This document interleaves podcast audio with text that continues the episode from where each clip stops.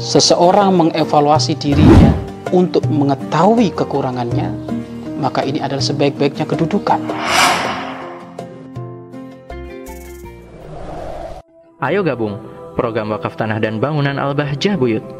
Hanya 200 ribu per meter. Bismillahirrahmanirrahim. Assalamualaikum warahmatullahi wabarakatuh. Alhamdulillah.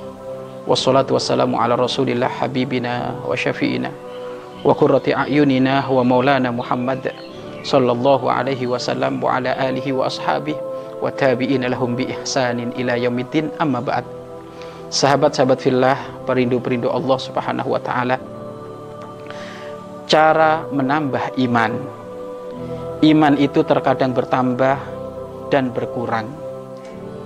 Cara menambah iman adalah dengan kita duduk di majelis ilmu, berkumpul dengan orang soleh, dan juga beramal soleh. Sahabat-sahabat fillah yang dimuliakan oleh Allah Subhanahu wa taala. Iman adalah satu pokok utama penyelamat bagi kehidupan kita di dunia dan juga di akhirat. Tidak ada iman akan menjadi gersanglah kehidupannya. Tidak ada iman, maka hidupnya akan seperti binatang.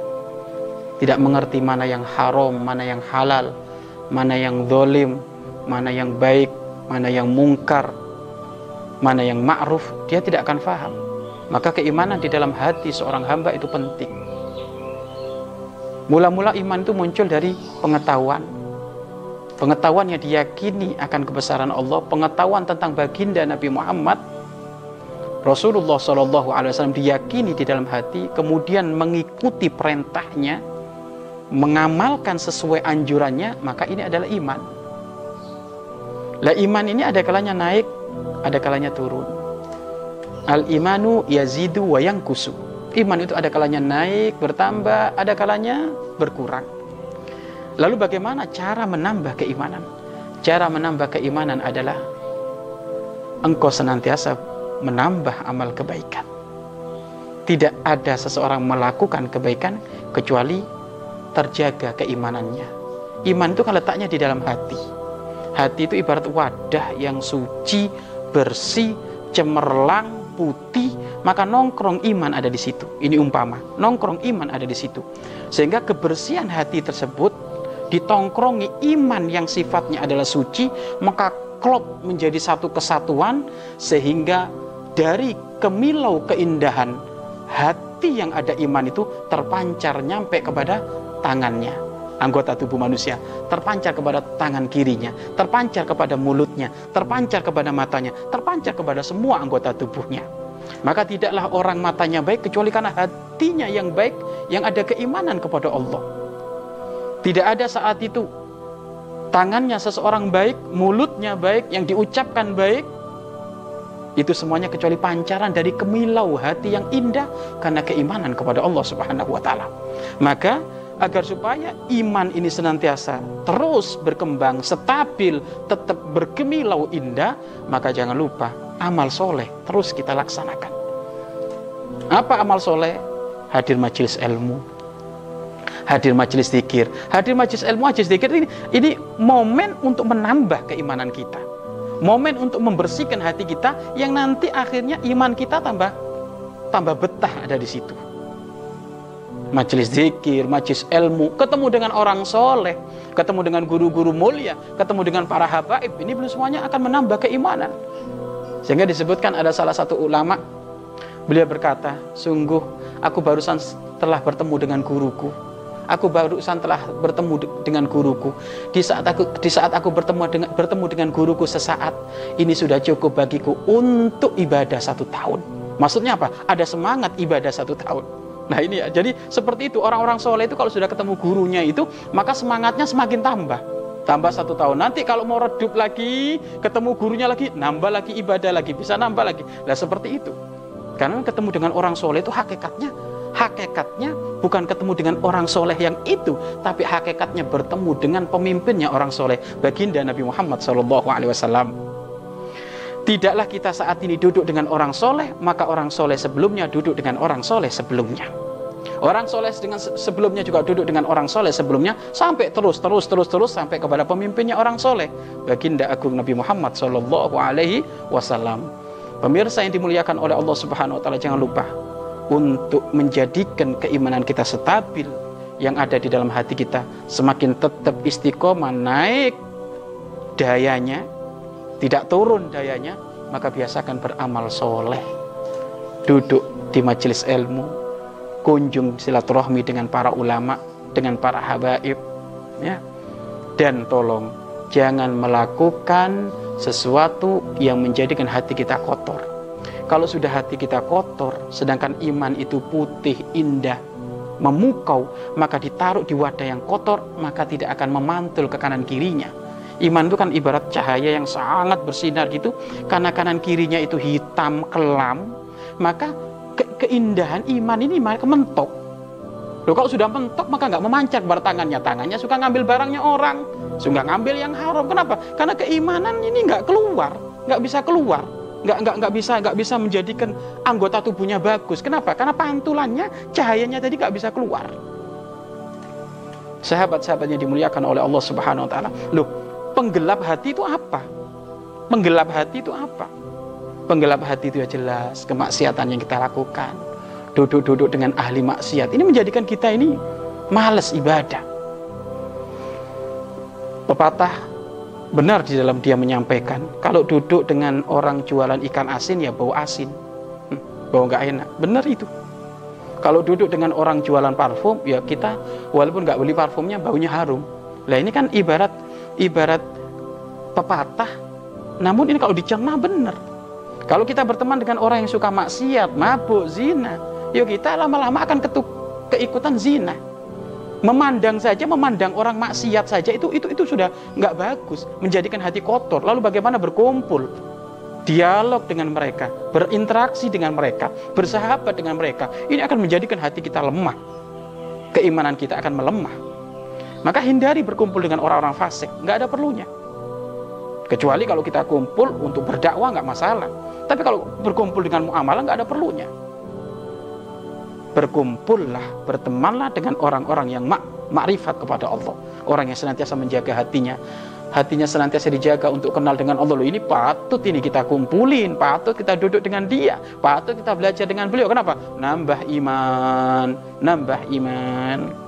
Baik, hindari sebab gelapnya hati sehingga iman akan turun yaitu bermaksiat, kumpul dengan orang-orang fasik, gunjing orang, gunjing orang ini ini ini akan menjadikan akan menjadikan hati kita ini gelap.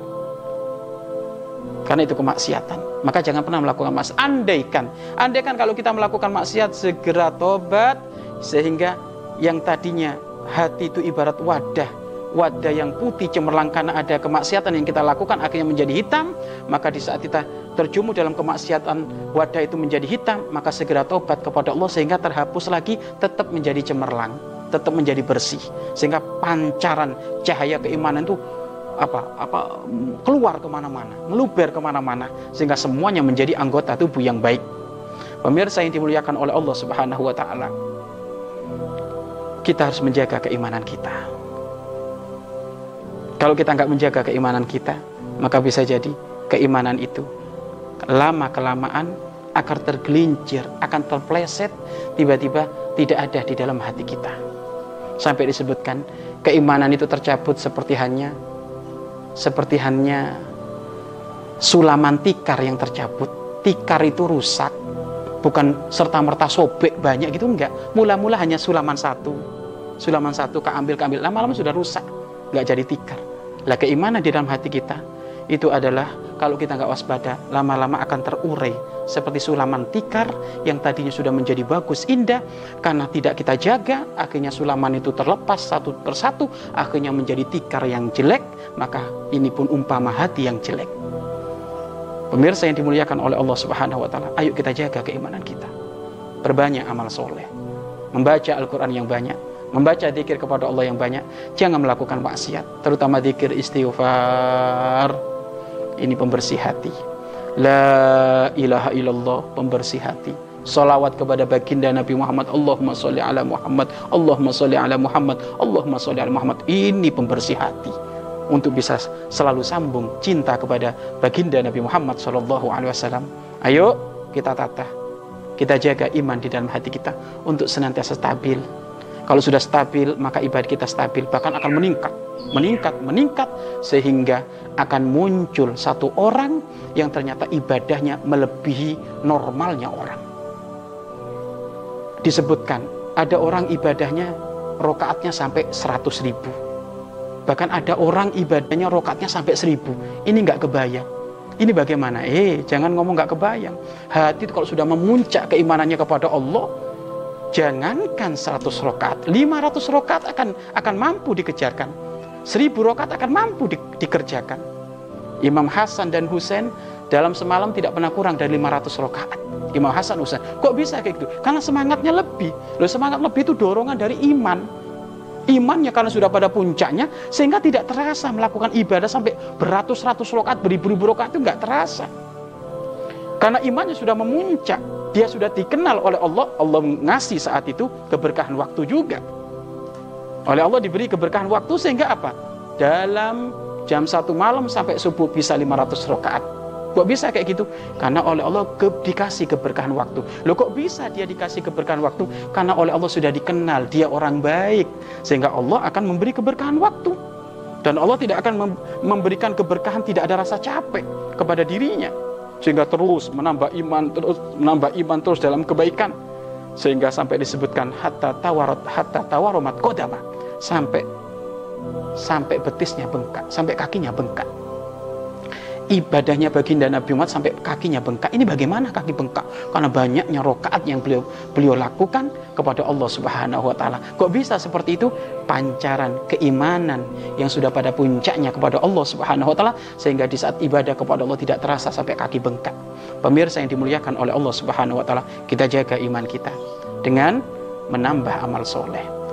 Duduk dengan orang soleh, duduk dengan guru-guru mulia, duduk dengan para habaib, majelis zikir jangan ditinggal, majelis ilmu jangan ditinggal.